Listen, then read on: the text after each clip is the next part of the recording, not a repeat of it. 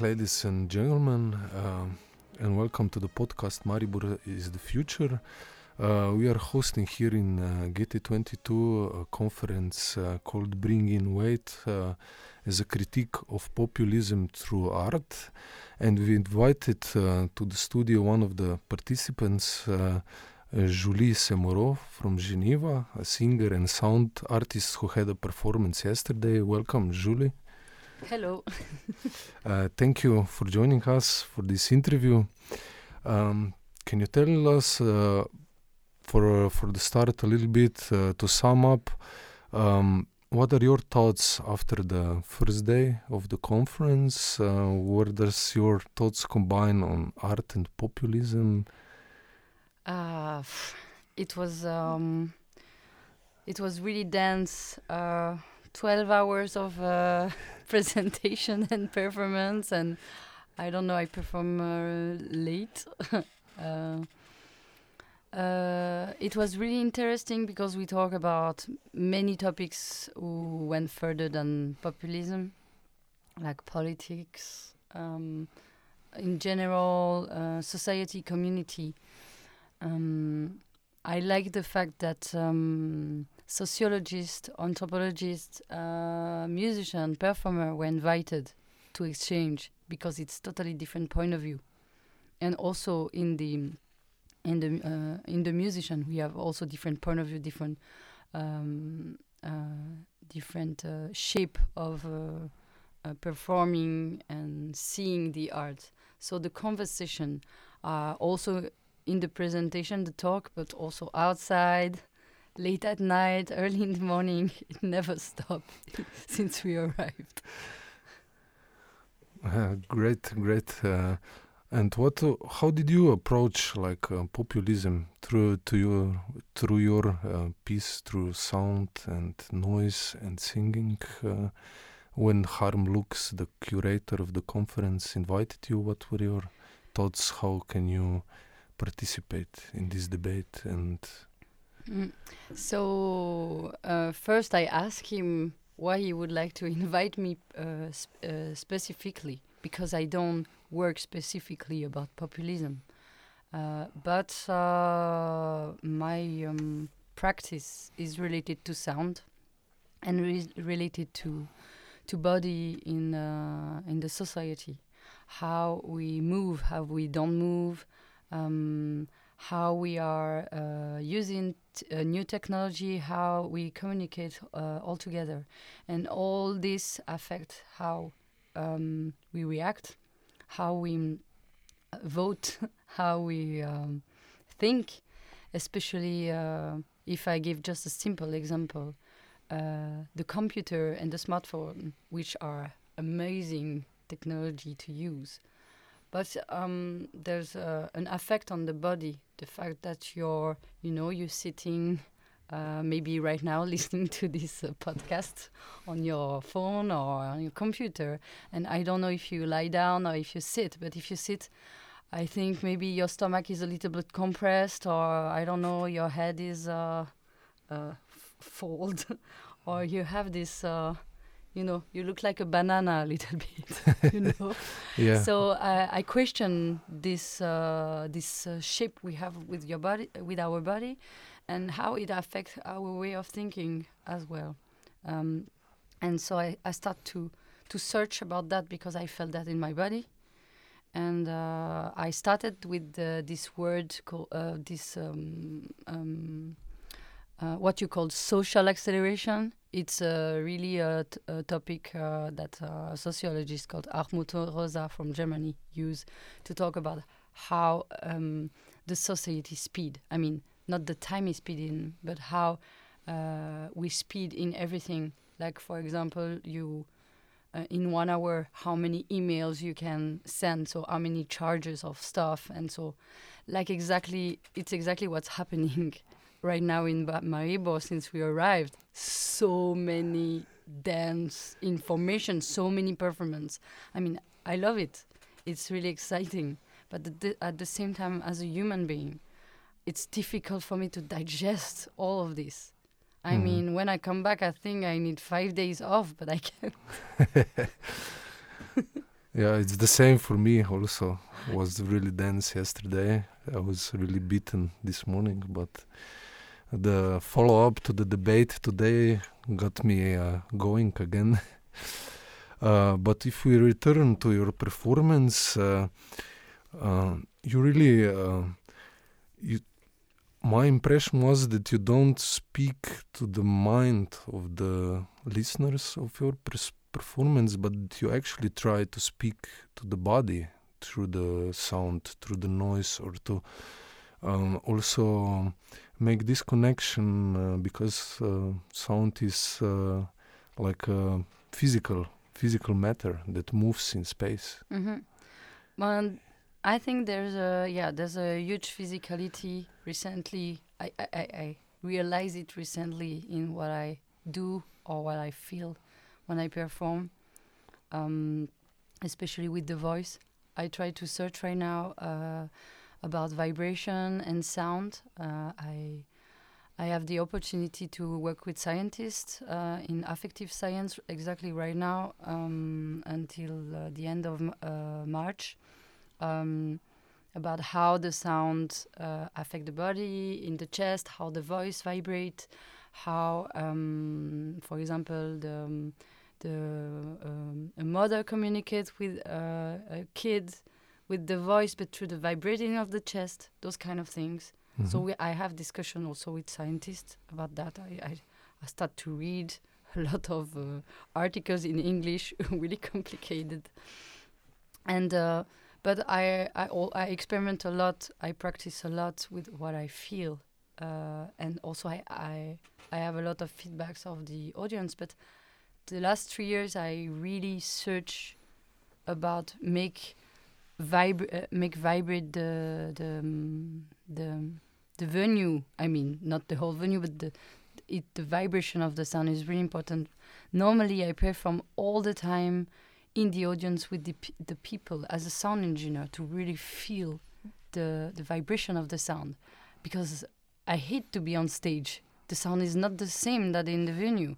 So uh, why the sound engineer engineer is in the in the venue with the people and not me? So also I was raised by a sound engineer, so it's been years.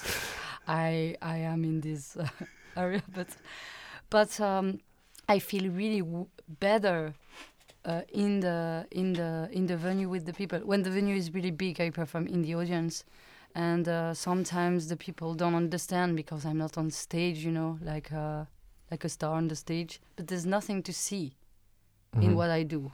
I mean, okay, I moved yesterday, like shouting my stuff, but there's really everything to feel. So that's why there is no lights, big lights on me. I think that's the second time I perform in front of the audience here. Oh, okay. I did it. I mean, the last, the last three years. I performed uh, this weekend because I didn't have the choice. And I said, okay, I try it again in my power. I will see. But um, I like when the people are really close. It's really close to me. And um, and I think um, I can really communicate with sound. I mean, you can go anywhere in the world and the people understand you. You don't need to talk to them. They get what I what I you know with mm -hmm. the, the, I even don't have to, to to say some words. They get instantly the intensity and they talk about it. And they I mean it can be in China or in Argentina or in Switzerland or in Germany or here. The people get the same stuff even if I don't talk to them. Mm -hmm. so that's that's really great. That's a common language this is also, can we see it also like as an answer to populism, to like to join us together, like a common language, and also maybe um, do you see in sound kind of liberation from this uh, speeding society, which is also very visually based, which forgets about its like uh, sound effect on the nature or even on the sound it uh, uh, puts out in the space? I think, well, I mean, it depends what kind of music. but what I do is more experimental. I Mhm. mean, I think in the experimental there is no format, so you can do whatever you want. There is no rules, or you don't have to be on the radio this three minutes thirty. You know that I hate it. so I can perform twenty minutes, twenty-seven minutes, thirty-five minutes. No one's gonna ask for the song. I can do whatever I want. I can kill everyone I want in my in my music, and especially I can express emotion I could never express in my usual life.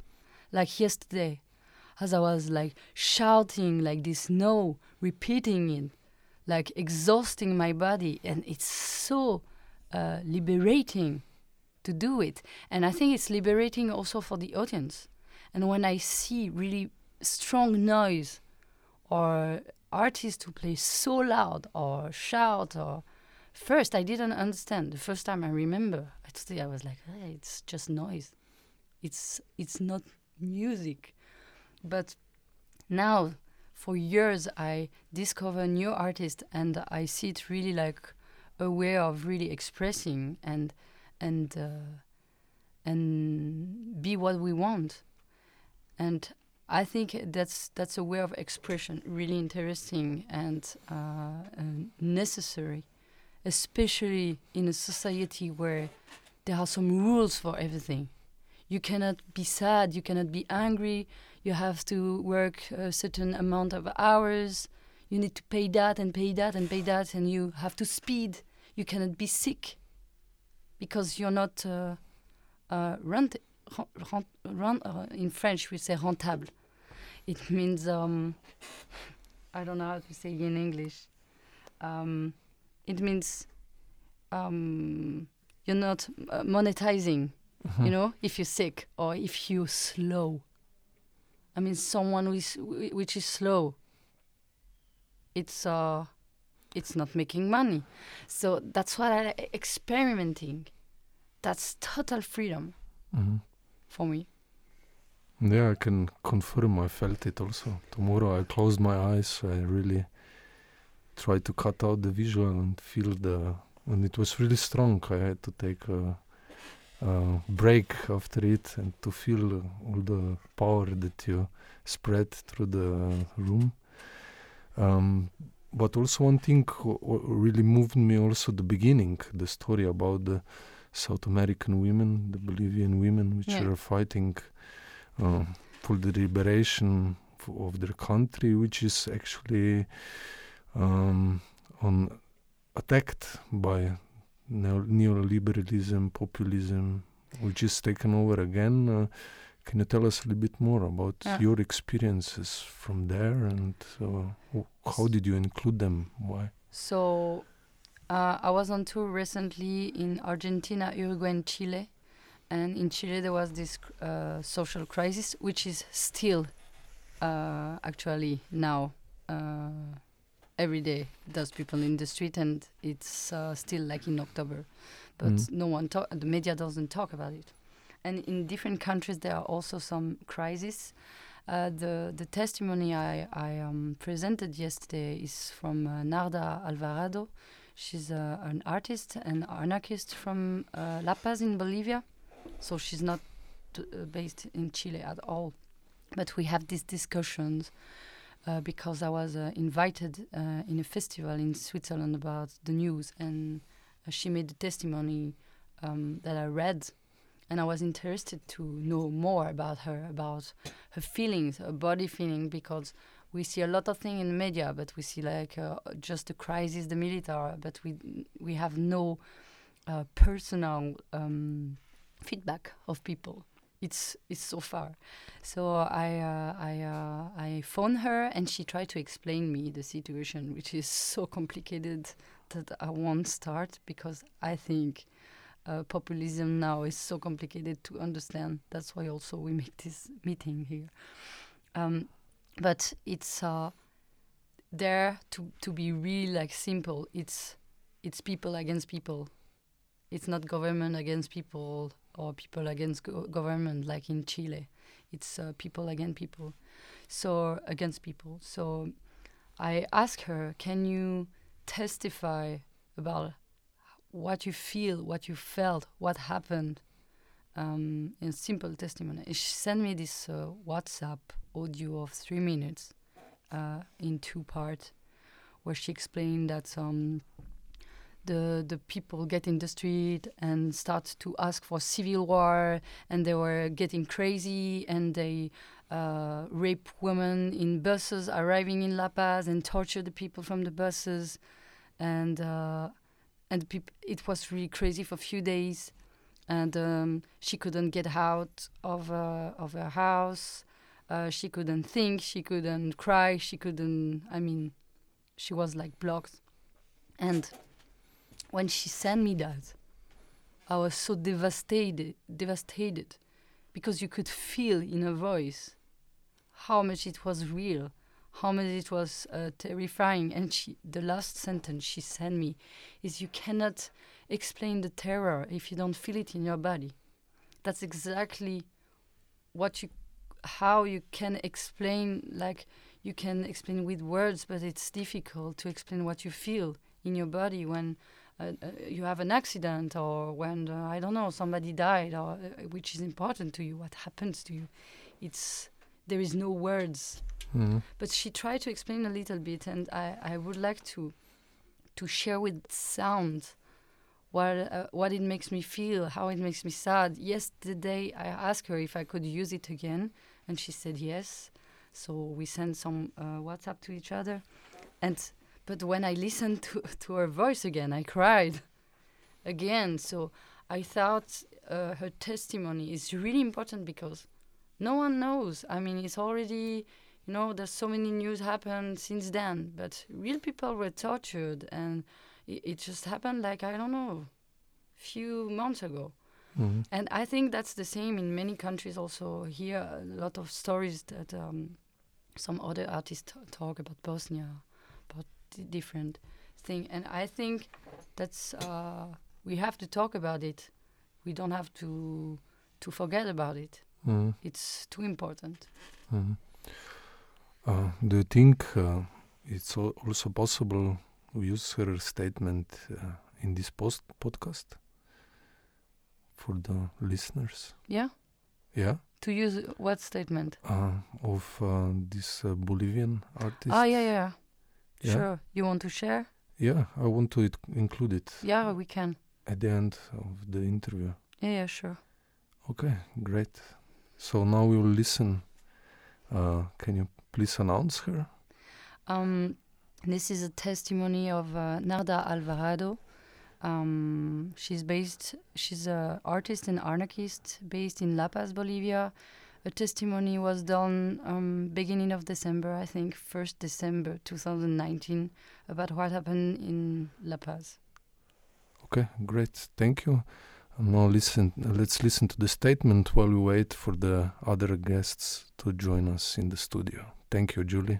Thank you.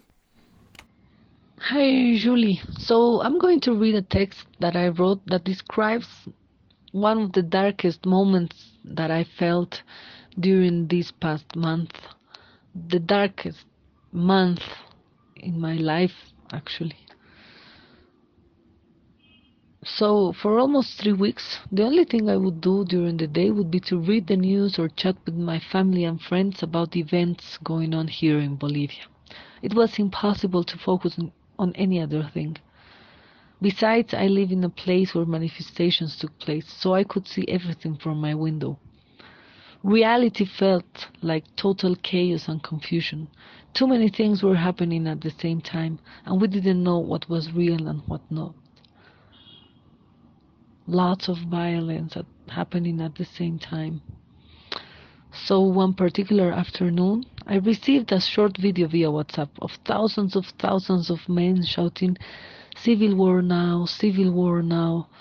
And they were running towards La Paz, the city where I live in. And hours ago, I saw on the news, on the TV, that some buses coming to La Paz were attacked. They were burned and the passengers were tortured. The news said that the female passengers were raped. And I had in mind the words of the minister of the presidency, of the former presidency, saying that Bolivia will become a modern Vietnam. At that point, everything became dark for me. I could feel the terror of a war between Bolivians in my body. My heart started pounding heavily for hours, for hours. I couldn't even listen to music. I couldn't watch anything else. I couldn't speak. The streets were so empty that the noise of the few cars passing by sounded like military planes to me. It was night, it was afternoon, evening, you know. The, the news said that there were many Cuban and Venezuelan militaries here in Bolivia and that they were arriving by, by plane. So I envisioned the days that will come for us. Reality never felt never felt so so much like a nightmare. And actually the saddest part of it is that it will never feel the same. I guess we have waken up awakened, you know. As we were speaking yesterday, the worst thing is that what I'm saying doesn't really explain what I felt and what happened. It's impossible to communicate terror if you don't feel it in your body. Okay. Uh, okay, we are back uh, in the studio. Um, after J- uh, Julie, we are interviewing uh, Jernej Kaluža, a researcher from the Faculty of Social Sciences in Ljubljana, uh, who had a lecture uh, in the conference about uh, the rise of right wing populism in the digital era. Um, Jernej, welcome. Thank you for invitation. Um, maybe uh, for the beginning, um can we a little bit sum up? Uh, we had uh, the first day and the second day of the conference. Uh, art and populism. What did you learn? What are your uh, first impressions? Yeah, my first impressions are that people people are really really interested in in that topic of populism because I'm I am uh, working on those topics because of my my work uh, because of my research work and so on. And I'm not so familiar if these are the themes that everybody is interested in or is just um, like a small group of people. And here I think that all of, all of the people that I listened to they have a lot of interesting things to say and a lot of different views how to deal with populism so Mhm. Uh, you you are more in theory, but um, how, how do you see it? How can art uh, tackle uh, populism? How can it address? Um, how did you see the performances which try to address this problem? Yeah, as I said yesterday, I don't, I, I lost my hopes in the in the winning of the meme war, or to to beat the the right on the internet and so on. So I'm more interested in the this intervention in the physical sphere to how to talk with people, what to what to do on the level of the streets and so on. And I think that also a lot of interesting these artistic practices. For example, this uh, walk that we went today uh, through the streets of Maribor uh, are somehow turning um, turning back on the level of uh, to the basics on the on the streets uh, on the one-on-one contact you know not just the question how to to get the most likes with your political content on the facebook how to influence slovenian politicians that they w- wouldn't wa- uh, um, allow Janša to be the prime minister and so on. But go back to the basic to, to, to talk with people to try to convince them to be more progressive not to to to um, to go into these uh, populistic uh, manipulations and so on. That i think is the recipe. Hmm hmm Um, yeah, you had a really interesting uh, lecture on the ri- uh, rise of uh, right-wing populism in the digital era. Can you a little bit um, sum up for us where what is the situation now? Why we see so much hate speech on the internet? Why is there so much trolls? Why, why the debate can't go on? Because it's basically a com- communication war, not a debate uh, on the internet, as you said yesterday. Yeah, yeah. The two main things that I wanted to to address yesterday are one is the the question of the leftist or uh, progressive uh, response towards the rise of the populist politics on the internet? Because this is a huge question. Because if you give a response uh, this is a way how populism gets attention. Even negative attention is a good attention and so on. That that was one of the problems that I wanted to address yesterday that there is some kind of an impossibility. You cannot ignore this and you cannot have the right response uh, towards it, uh, and you cannot win in this kind of war because it's it's also really depressing and uh, and uh, one could get tired of, of all of this shit. And the other thing was that I wanted to address was this um, really huge pop culture production, production of memes, production of that is happening on the internet and is intrinsically connected with right wing politics, usually, for example, with incel movements and with things like that. And this is really interesting for me because usually the left was connected with subcultural production, with, with, with being more on the side of the, I don't know, uh, yeah, production of uh, different interesting things in a sphere of culture. I don't know, punk, hippie movement, and so on. And today, on the level of internet underground, it seems that the right is taking control of aesthetic production. That was the the other Mhm, uh, mhm. thing that I wanted to address.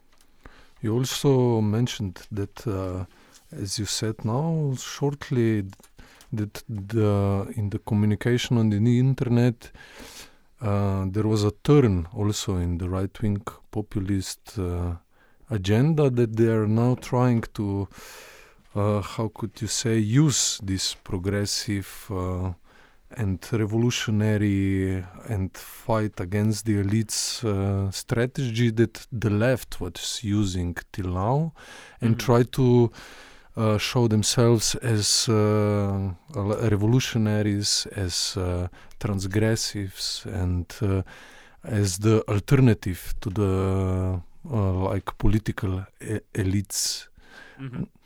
And um, in what way ca- came this turn, and what what are the effects of this? Because also I think a lot of young people um, get uh, uh, with this right wing communication, with production of meme, are exposed to this uh, communication.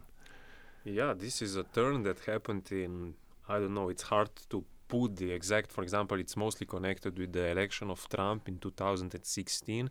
But if we try to apply it to the, I don't know, Maribor situation, for example, this uh, Maribor uprising, Gotov movement in, what was that, 2012, it was it was spontaneously perceived as a left movement you know? It wasn't the, the, the basic thing was this politic uh, was this police uh, radars. This was the, the but it was the same structure was like a rebellion of uh, ordinary people against the corrupt uh, not government but local authorities and so on. But it was perceived in 2012 as a left-wing movement that at the end uh, the result was the, the that Janša has to go away. Huh?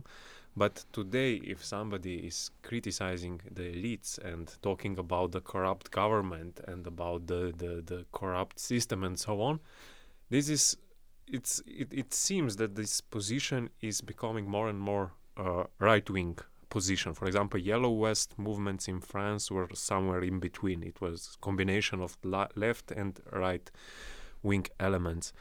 So it's really difficult to to explain what's the uh, what what are the reasons for this for this turn. One of the reasons is also that on the left we don't have any alternative to this usual left liberal uh, kind of talk, uh, and uh, I think this is one of the reasons. But uh, other reason is also the the rise of the how how to call it the white trash people, you know, but not I don't mean it in a pejorative way, but like that a lot of people are uh, losing after the economic crisis, and this is the population that is inclined towards populists uh, politics.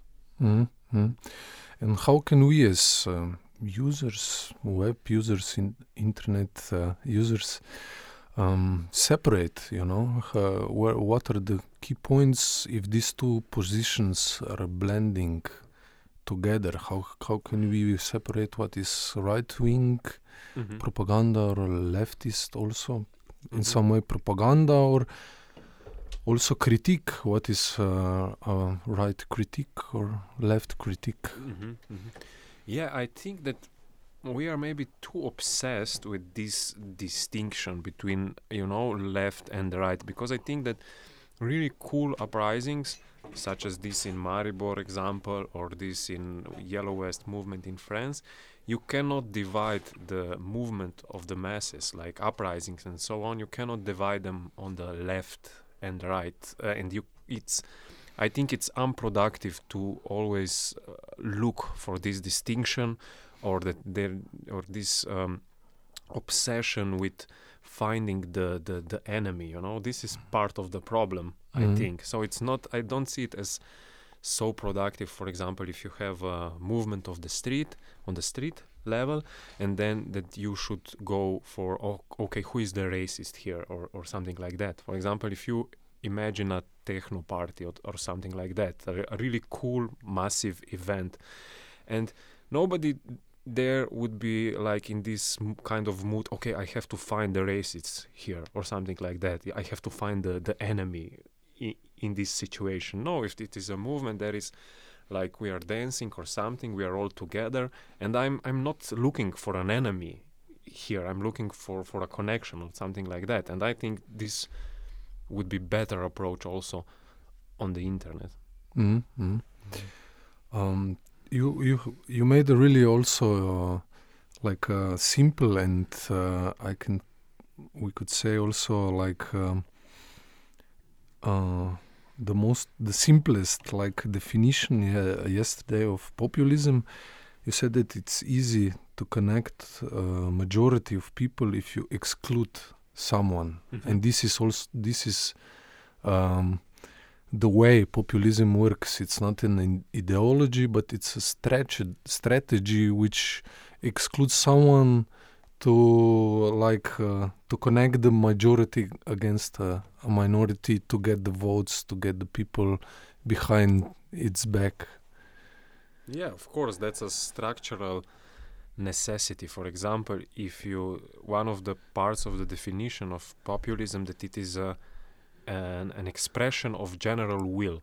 So if you would ask uh, a certain population, which is uh, made of majority of people, uh, it's really easy to convince that majority that minority is their problem or it's also in their interest to to be maybe somehow but this is this this is also what i experienced experienced in for example Rog factory in ljubljana or in autonomous spaces this is not just a thing that right wing people would be inclined to do Hmm? but for example, on, on these assembly assemblies in autonomous zones, it was very easy to connect people if you had an, an an outside enemy. For example, some users of the Rog factory who were using drugs and some things like that, and there were people like, oh, we have to fight them, we have to put them away, and so on. Or if you had an external enemy in the form of uh, uh, local authorities, Zoran Jankovic uh, trying to invade Rog, and it was really easy to to to connect with the community if you if you have an enemy, and if you don't have an enemy, it's yeah, it's like okay, what should we talk about? mm mm.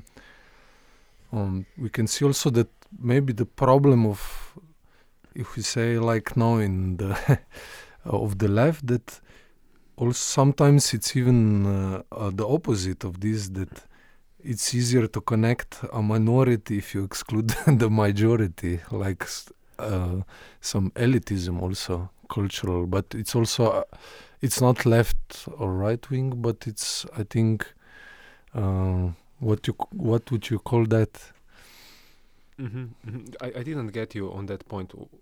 Could you repeat? Uh, uh, what it what bec- what comes out if you turn the definition of populism that uh, it's easy to connect a minority to exclude a majority, which is also I think a problem in the Uh-huh. movement when people align in small groups Mhm. but don't listen to the Uh-huh, people, you uh-huh. know? Yeah, I agree with that. Yeah, yeah. Which is also a problem of art in some ways. We to listen now to Kaja Kraner's uh, lecture that art has also a problem with elitism and which is inherent in some ways to contemporary art. Yeah, yeah. I think that uh, one of the recipes is that you should go out of your bubble of the people who think the same as you are thinking, and uh, and uh, I think this is the right approach. Not to not to try to find a group of the people who think the same, and then this group is trying to fight with the other group who is thinking differently.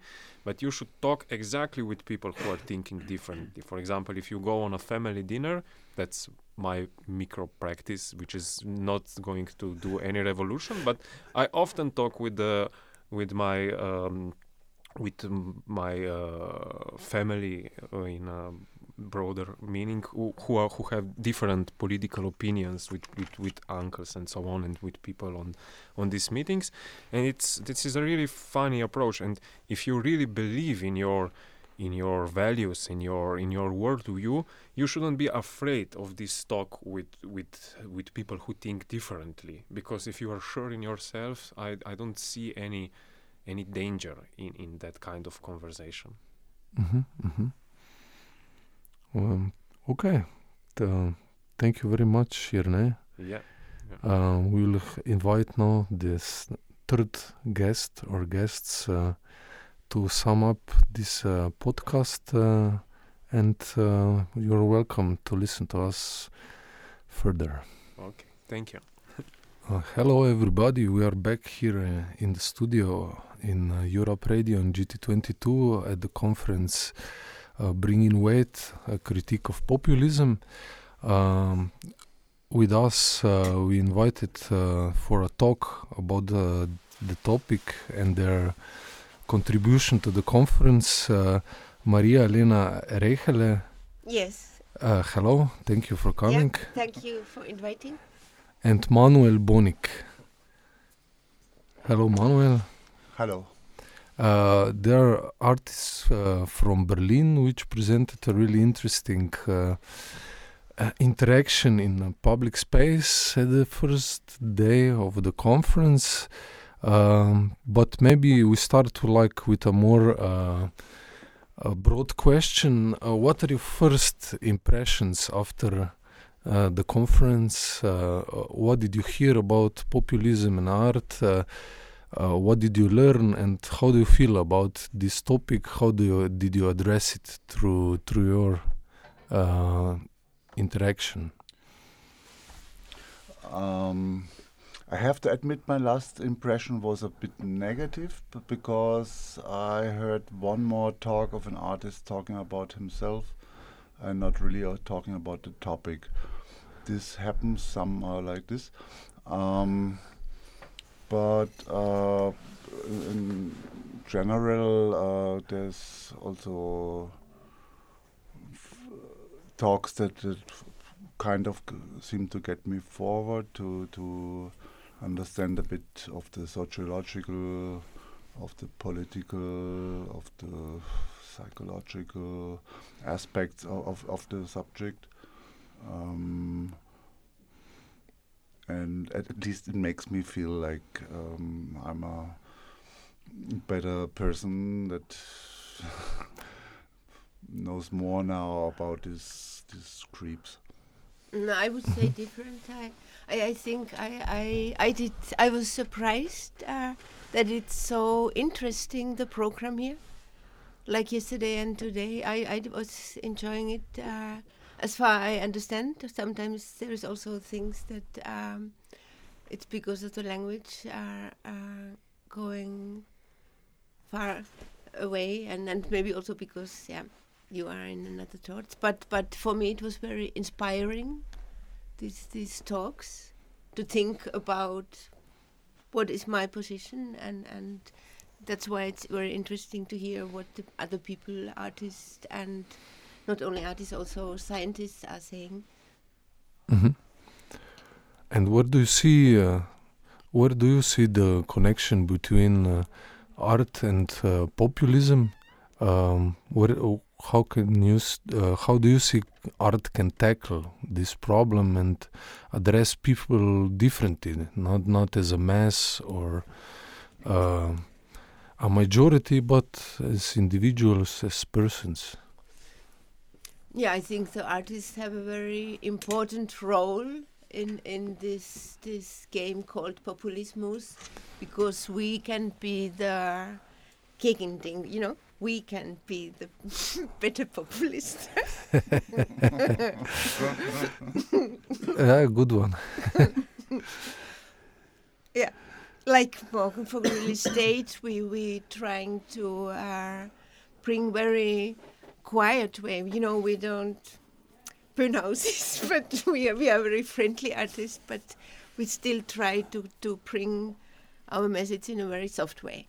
hmm And we were trying today to post uh, animation from me, um, brainwashing. It's called brainwashing, and this is in a way our um, my answer for with this populismus, um, like a funny statement. Uh, okay, we come here and want to clean the disease in in the heads of the people with the power of morning bird. Uh-huh, okay, okay. Um, um, some something in the spirit of the, of this conference is is uh, you you can um, do a lot of uh, funny commentary battles in the internet and, and and everybody gets even freakier and more brutal and more blah blah and uh, and while, while this here is is about meeting in person and meeting people in, in person, even if you meet a populi- populist, uh, is, is a different thing. We don't have any here, but it's it's a different thing um, from playing these abstract games in the internet, and it's direct communication. I mean, as a person who is not that young anymore, uh, I feel people are very uh, focused on their smartphones and, and kind of lose a bit contact with society. And uh, I also know the, the, the other way to behave that you live in a society and if there is some people you have problems with then you just talk to them and and, and, and it's it's I, I like the spirit of uh, direct talk, but might be a bit conservative position.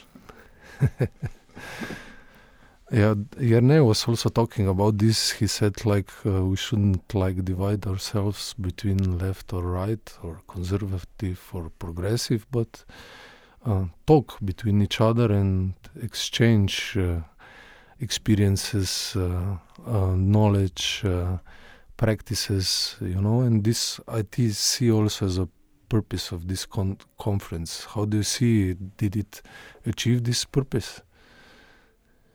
Yeah, yes, yes, of course. It it it, it that does does a lot of good in, in, in understanding different positions somehow. But um, I feel a, a bit of a lack of the enemy. I mean, in this constellation. I mean, this is not not a show that is only happening here. We we had one show in Berlin. Uh, uh, we have now this show in Maribor, and it goes on to Munich and, and to Zurich.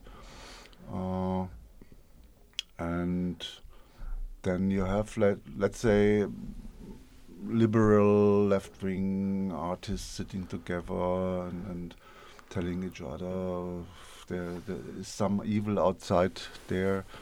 And uh, we have a certain strategy to work against it, and, and uh, or somehow our, our, our artwork is important in this. But don't And, and then at, at some point I get impatient and, and kind of tend to just take the other position and, and, and, and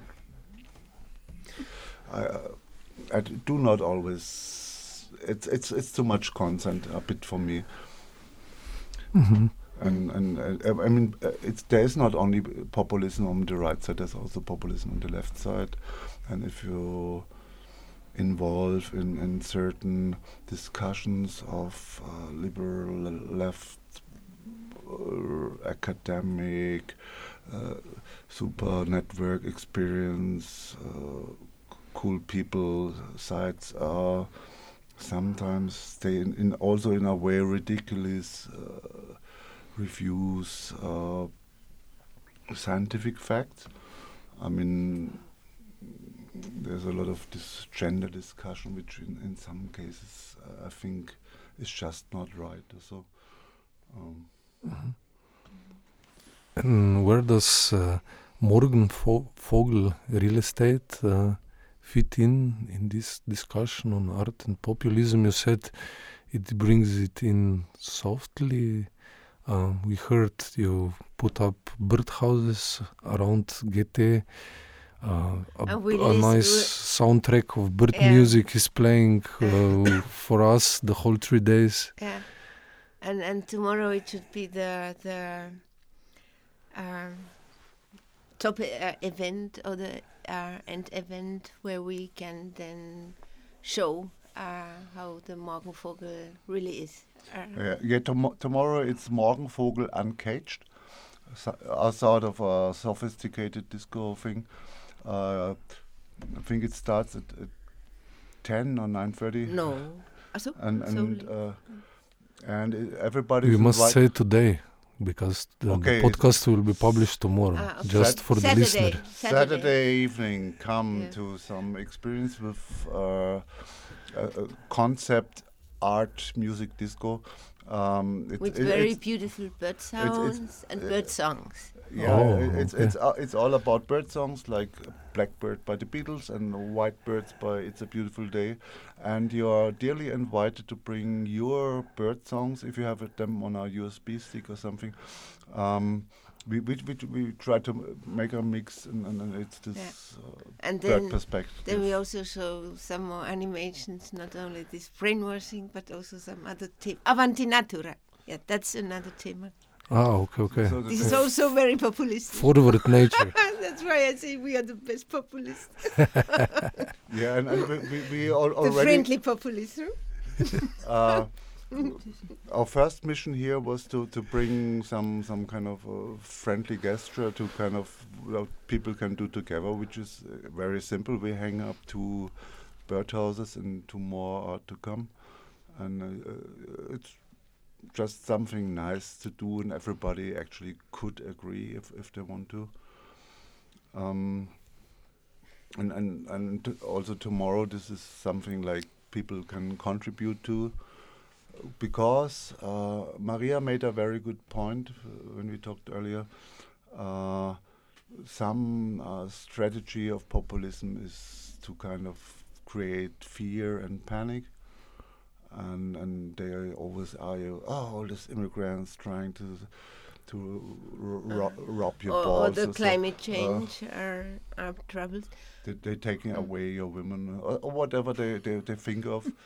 and we we kind of think uh, one should not be catched by this uh, strategy. We should kind of keep uh, on to be hopeful, even if there's kind of Yeah. mm, bad things happening to nature. Um, we still should be uh, keep on hoping that nature will be strong, stronger than populism. And we also be- Mhm. believe that there will be new innovations to save the world because people are still very clever, the young generations. I'm sure they're finding a new ways to produce energy, even maybe from the air, from CO2. huh? hmm Which is already happening Mm, in yeah. Switzerland, I Ah, think. Okay, yeah. And Finland, they're also studying it. Yeah. Uh-huh. Yeah. Uh, but maybe uh, just for the end of our interview, um, birds as a metaphor for freedom, also like Mm. Morgenvogel, morning bird as a sign for hope. Is do I read it correctly? Yeah, der Morgenvogel kommt. Yeah, this was a very old logo. Uh, there, was, there it was also a rocket, uh, the Morgenvogel in the very beginning, and now it's more. We're trying to save the, to make yeah, it good for the last birds here, or not the last birds, but the birds who are still living in the cities. We're trying to give them Yeah, when when we when we came here, we, of course we had a bit of this Western attitude to oh, uh, it's East, uh, everything will be burning and be difficult or so. And then we came here and it was, al- also fantastic, and we found out that there's so much nature preservation in Slovenia. There's Yeah, so much the reflected Uh, people. great city. It's uh, we are totally positively convinced, and uh, Yeah. yeah, Yeah, we, we saw a lot of nice birds here. and we met a lot of. Kleiber. Kleiber. Kleiber. Uh, that's a certain kind of bird that that, that uh, makes the hole he has in the birdhouse even smaller, in order to make sure nobody else gets in. Oh, but okay. but it, I, I don't wouldn't call this a populist.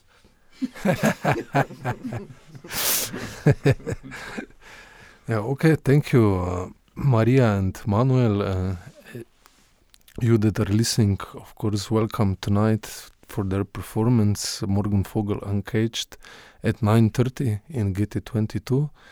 And uh, already Anne Schomburg, uh, uh, artist from Berlin, who gave a lecture on attention, how further with attention, has joined us in the studio. She's putting the headphones already on. Hi. Hello, Anne. Hello, nice to meet you. Uh, nice to meet you too. Thank you for joining us.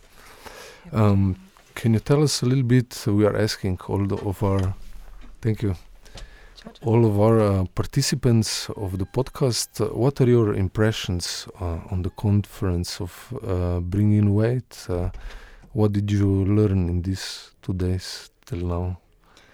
Well, it is like uh, always different and always depending a lot of the people who are coming and the discussions who are raising.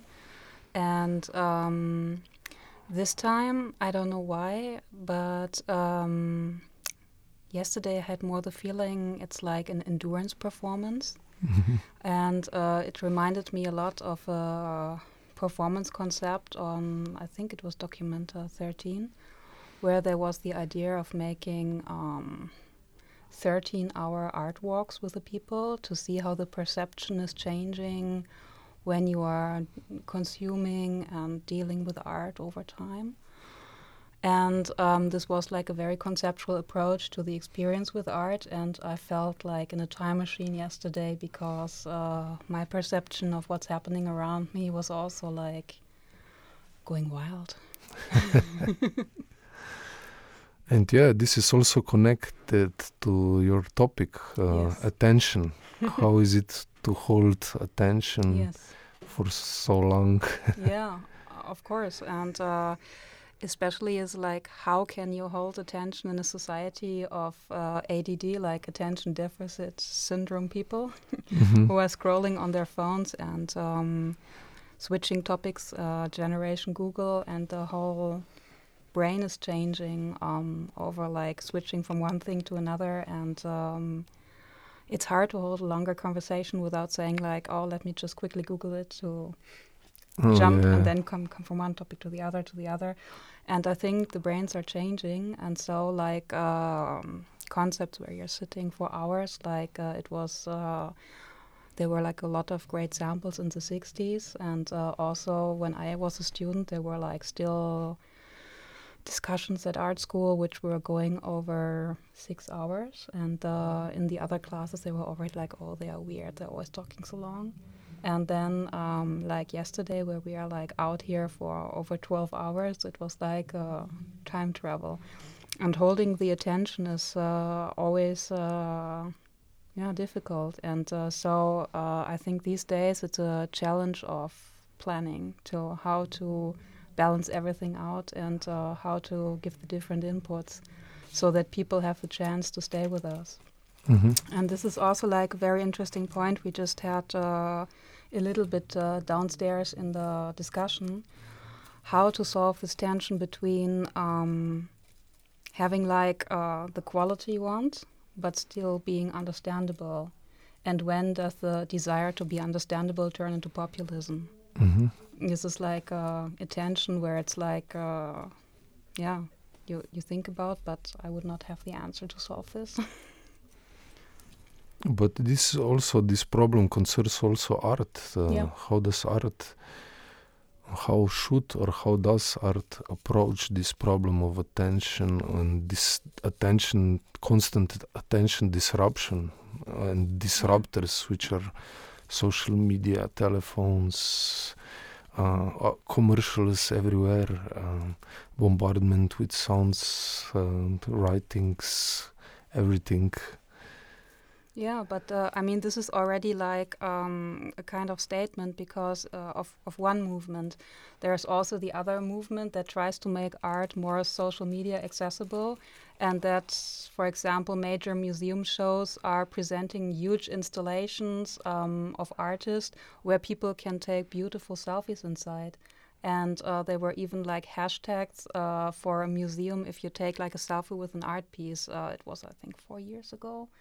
And uh, I think there's like when when we look at this problem, and I have to say problem in quotations, um, there's always like different um, different strollings, and uh, some some groups uh, they are trying to go with the flow and to be like more accessible. But um, for me, um, it is not something I would like immediately shame. I would uh, I would like if uh, this would be like an invitation for attention, like uh, you make something where people react to, and then uh, they are open for a conversation because I see a big problem that people feel excluded because if I feel like an attitude that uh, the other person thinks I'm stupid anyway and that I'm too uh, retarded in my brain to be able to participate and think whatsoever, of course I go backwards and I feel like uninvited and I don't want to open up and listen. And so, if uh, there is like a connection point created, then uh, I think it's a good thing. But if it has the one and only purpose to be uh, in the focus of attention and it doesn't want to say anything, then I'm like, what's the point? I mean, in Berlin, there's like a selfie museum opening, or it opened, and people just go there to take selfies. And uh, this is just for this purpose. It doesn't claim to be art. It is what it is, Mhm. like it or not, okay. But uh, if, uh, yeah, and then if a museum is doing this with an art piece that claims to be more, it's getting a little bit uh, problematic on the one hand. But on the other hand, I always struggle what is contemporary and what is relevant when in 200 years the people are looking back to see what was our society. One, do we want to fake to be intellectuals or do we want to show what was really there? Mhm. And also to make these connections Yeah. between the people. And I think this is also an important uh, Yeah. job or not job or Yeah. calling for art. Yeah, for, for me it is. I mean, there's like all these different attitudes, and um, for me it is important to be understood, and for me it's important that people are interested, and it's not just the usual circle of art people, but I also get scared.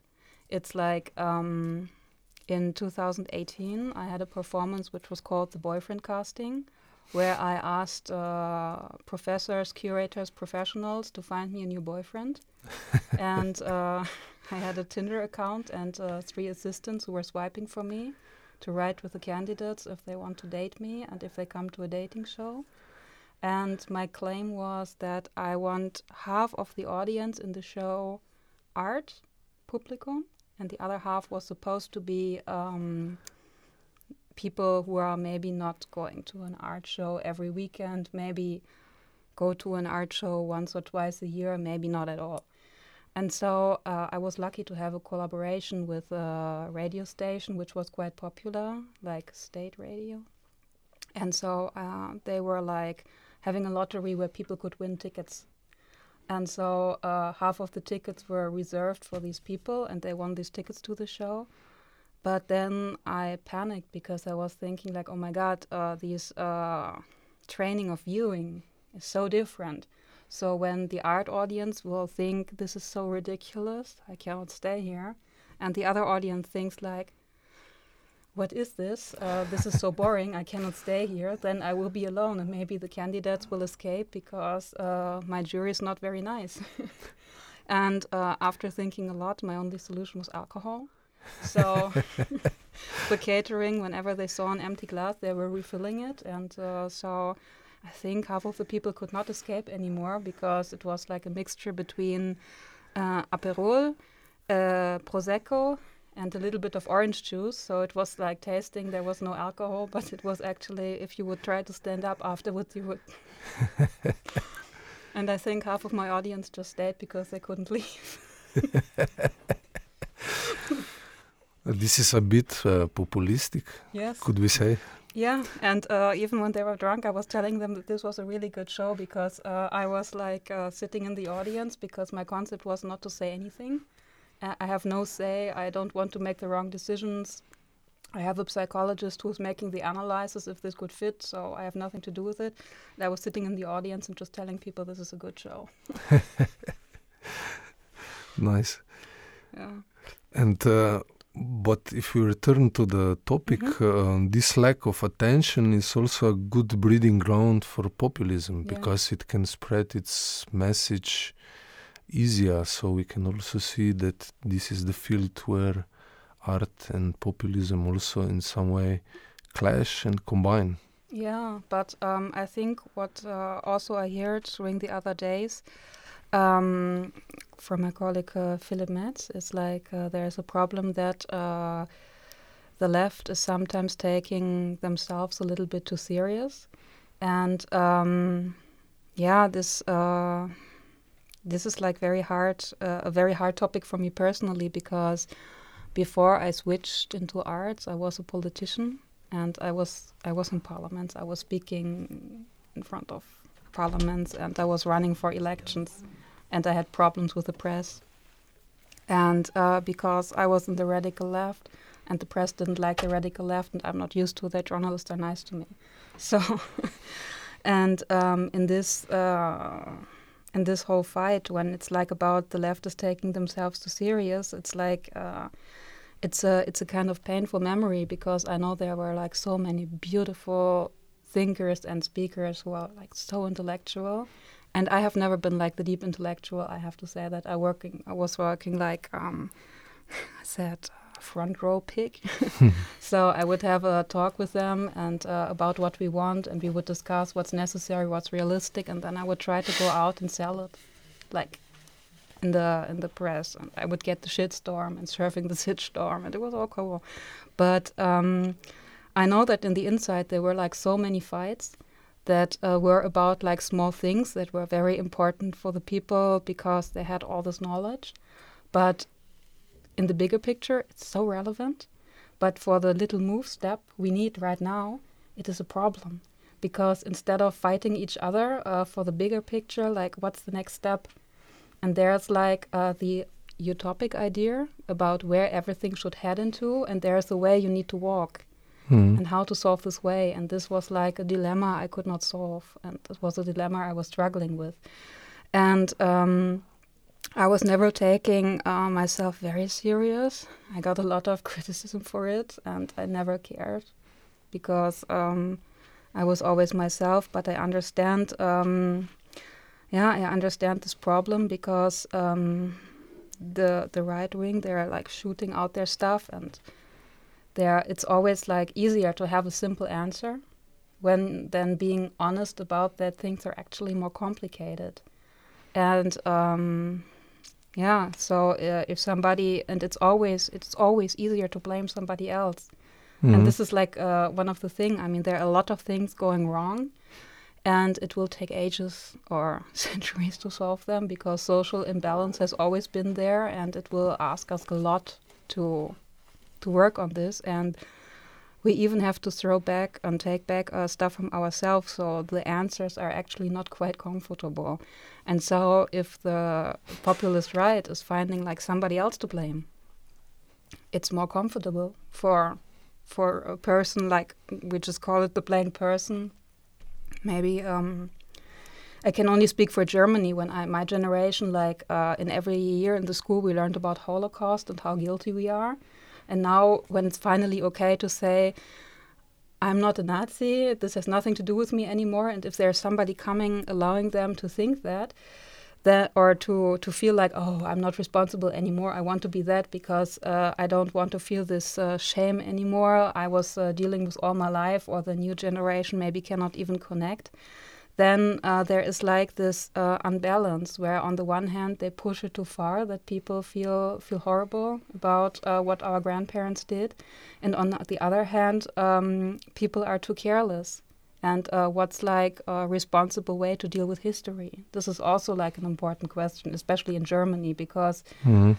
My generation, I know it, they are so tired of this thing on the one hand, but uh, then AfD is ri- rising. It's like a very radical left party in Germany, and people are shocked because we always believed it's not possible in Germany because Left or right? right Right, yeah. they are rising and in germany the people they always thought the left is our problem because we had hitler we can never be nazis again because this was so bad uh, people will forever know that this is uh, dramatic. This is like the shitstorm ever. This is destroying everything. This can never happen again.